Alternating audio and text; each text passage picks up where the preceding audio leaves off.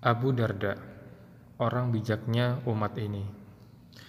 Abu Darda radhiyallahu anhu, seorang sahabat Ansar dari kabilah Khazraj. Ia termasuk orang Ansar yang paling terakhir masuk Islam. Tapi ia malah terkenal menjadi seorang yang paling berilmu di tengah kaumnya, paling fakih, dan paling banyak hikmah dalam ucapannya. Ia wafat tahun 32 Hijriah. Abu Darda adalah seorang pedagang, kesatria, dan seorang yang bijaksana. Namanya adalah Uwaimir bin Zaid bin Qais al-Ansari al-Khazraji. Namun kunyahnya Abu Darda lebih dikenal dari nama aslinya. Meskipun namanya cukup tenar di antara para sahabat Nabi, tapi ternyata ia termasuk orang Ansor yang terakhir masuk Islam. Awalnya ia seorang penyembah berhala. Kisah keislamannya cukup menarik. Diawali dengan kedatangan Abdullah bin Rawahah dan Muhammad bin Maslamah radhiyallahu anhuma ke rumahnya. Mereka datang tanpa pengetahuannya. Mereka hancurkan berhala yang disembah oleh Abu Darda. Saat Abu Darda pulang, ia kaget. Ia pungut dan kumpulkan remukan berhala itu dan berkata, Bodoh sekali kalian ini, mengapa tidak kalian lawan? Mengapa tidak kalian bela diri kalian sendiri? Ummu Darda menimpali, kalau mereka bisa memberi manfaat dan menolak bahaya kepada orang lain, tentu mereka mampu melakukannya untuk diri mereka sendiri. Abu Darda berkata, Tolong siapkan air di wadah mandi untukku. Siapkan juga pakaian dan perlengkapannya. Setelah itu ia pergi menuju Nabi Shallallahu Alaihi Wasallam. Melihat kedatangan Abu Darda, Abdullah bin Rawaha berkata, Rasulullah itu ada Abu Darda. Menurutku ia datang untuk menuntut balas kepada kami. Nabi menanggapi, kedatangannya untuk memeluk Islam Sesungguhnya Robku menjanjikan kepadaku bahwa Abu Darda akan memeluk Islam. Meskipun termasuk orang yang terlambat menerima Islam, tapi Abu Darda memiliki kedudukan yang mulia di tengah sahabat Nabi Shallallahu Alaihi Wasallam. Rasulullah bersabda tentang dirinya, sebaik-baik penunggang kuda atau kesatria adalah Uwaimir Beliau juga bersabda, dia adalah orang bijaknya umatku. Abu Darda adalah seorang dari empat orang penghafal Al-Quran di masa hidup Nabi Sallallahu Alaihi Wasallam. Dari Anas bin Malik radhiallahu anhu, ia berkata, saat Rasulullah Sallallahu Alaihi Wasallam wafat, Al-Quran itu tidak dihafal kecuali oleh empat orang, yaitu Abu Darda, Mu'az bin Jabal, Zaid bin Thabit dan Abu Zaid. Rasulullah Shallallahu Alaihi Wasallam adalah seorang pendidik luar biasa. Kalau kita pelajari, Nabi Shallallahu Alaihi Wasallam menguasai metode ajar yang variatif.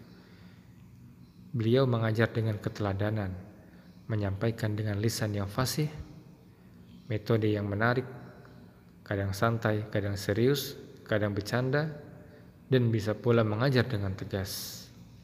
Sehingga apa yang beliau ajarkan begitu berpengaruh pada pribadi para sahabat. Pengaruh besar itu juga dirasakan Abu Darda radhiyallahu anhu.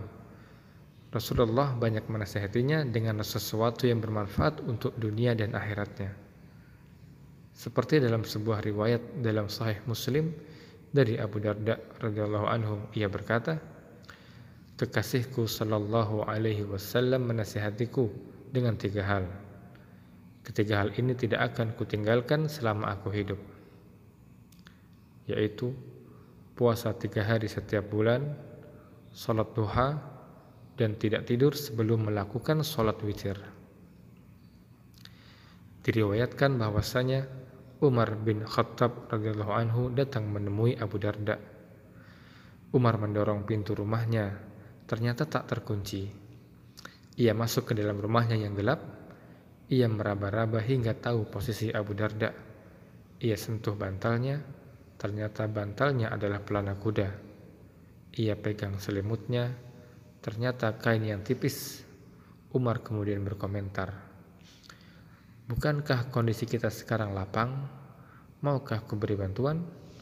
Maksud Umar, umat Islam sekarang berkecukupan, tidak seperti di awal keislaman. Abu Darda menanggapi, Ingatkah engkau sebuah hadis yang disampaikan Rasulullah Shallallahu Alaihi Wasallam? Umar bertanya, hadis yang mana?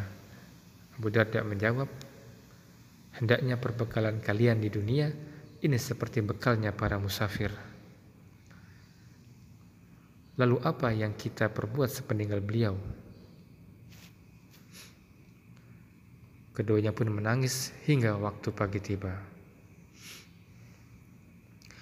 Abu Darda radhiyallahu anhu berkata, Aku tak merasa senang jika aku berdiri memasuki pintu masjid dalam keadaan mendapatkan keuntungan jual beli setiap hari 300 dinar, tapi tidak hadir berjamaah sholat lima waktu.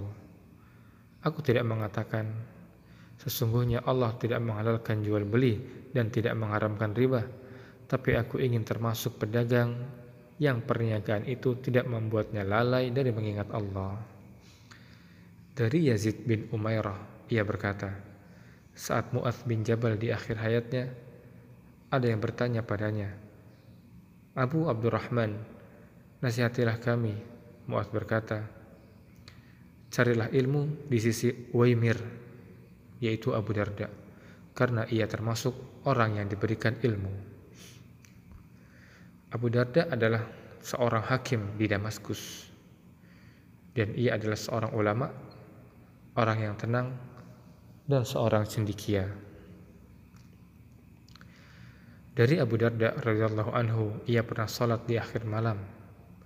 Ia berkata, "Mata-mata telah terlelap, bintang-bintang telah terbenam, sementara Engkau ya Allah terus-menerus mengurusi makhlukmu."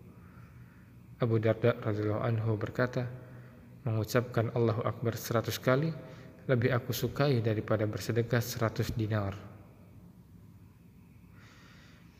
Abu Darda radhiyallahu anhu berkata, ada tiga hal yang membuatku tertawa dan ada tiga hal yang juga membuatku menangis. Yang membuatku tertawa adalah para pengharap dunia, padahal kematian selalu membuntutinya. Kemudian yang kedua, seorang yang lalai padahal tak ada yang membuatnya lalai, orang yang tertawa kencang. Padahal dia tak tahu apakah Allah ridho atau murka padanya. Dan yang membuatku menangis adalah berpisah dari orang-orang tercinta Muhammad sallallahu alaihi wasallam dan sahabatnya. Kengerian saat sekaratul maut dan yang ketiga berdiri di hadapan Allah sementara aku tak tahu apakah menuju surga atau neraka. Saat hendak wafat, Abu Darda berkata kepada untanya, Hai Damun, jangan nanti kau debat aku dengan permusuhan di hadapan Robku. Sesungguhnya aku tak pernah membawakan di atasmu sesuatu yang tak mampu kau mengangkatnya. Abu Darda berkata, Aku berlindung kepada Allah dari menemui suatu hari yang di dalamnya aku tidak mengingat Abdullah bin Rawaha. Apabila menemuiku dari depan, ia terbiasa menepuk dadaku. Kalau menemuiku dari belakang, ia tepuk punggungku. Ia berkata, Waimir, duduklah sebentar, marilah kita menambah iman. Kami duduk lalu mengingat Allah. Lalu ia berkata, Waimir, Inilah majelis iman. Saat ada yang berkata kepada Abu Darda, Tidakkah kau membenci saudaramu semuslim karena telah berbuat maksiat? Ia berkata, yang aku benci adalah perbuatannya, tapi ia tetap saudaraku. Namun memang, persaudaraan agama itu lebih kuat dibanding persaudaraan karena kekerabatan. Ini adalah pelajaran bagi kita Terkadang ketika ada teman yang futur, ada teman yang hijrah kemudian kembali lagi pada kebiasaan lamanya, kita merasa kesal, lalu menjauhinya, tidak lagi menyapanya dengan ramah. Padahal yang kita benci itu adalah maksiatnya, bukan dia. Sehingga usaha yang kita lakukan adalah memisahkan dirinya dari sesuatu yang kita benci itu, yaitu perbuatan maksiatnya. Abu Darda radhiyallahu anhu berkata, Sungguh aku mendoakan 70 orang saudaraku dalam sujudku Kusebut namanya satu persatu. Kita boleh introspeksi diri. Tak usah dalam sujud, pernahkah kita menyebut nama teman kita dalam doa kita? Inilah persaudaraan. Inilah perasaan cinta karena Allah. Dan inilah yang akan mendatangkan rasa manisnya keimanan. Seorang dari kabilah An-Nakha berkata, saat Abu Darda tengah sakratul maut, aku mendengarnya berkata, Aku sampaikan kepada kalian sebuah hadis yang aku dengar dari Rasulullah Sallallahu Alaihi Wasallam. Aku mendengar Rasulullah Sallallahu Alaihi Wasallam bersabda, beribadahlah kepada Allah seakan engkau melihatnya. Kalau kau tidak mampu, maka sungguh Allah melihatmu siapkan dirimu pada kondisi sakaratul maut. Kemudian waspadalah terhadap doa orang yang didolimi. Karena doanya tak terhalangi. Dan siapa yang sanggup untuk hadir di jamaah dua salat, yaitu salat isya dan subuh, walaupun dalam keadaan merangkak, lakukanlah. Hadis Hasan riwayat At-Tabrani. Diriwayatkan oleh Al-Bukhari dengan sanatnya dari Aun bin Abu Juhaifah dari ayahnya ia berkata, Nabi Shallallahu Alaihi Wasallam mempersaudarakan Salman dengan Abu Darda. Suatu ketika Salman mengunjungi Abu Darda.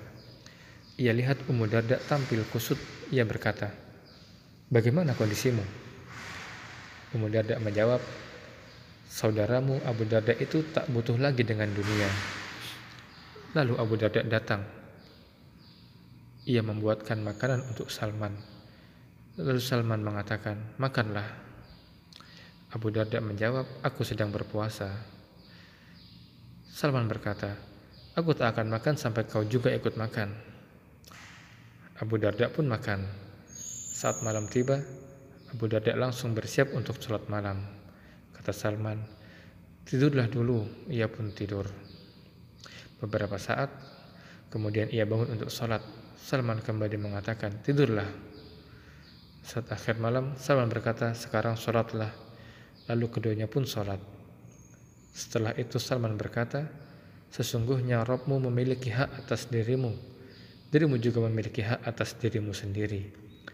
Demikian juga keluargamu memiliki hak atas dirimu. Berilah kepada setiap yang memiliki hak itu haknya masing-masing. Kemudian Abu Darda menemui Nabi Shallallahu Alaihi Wasallam. Ia menyebutkan apa yang diucapkan Salman.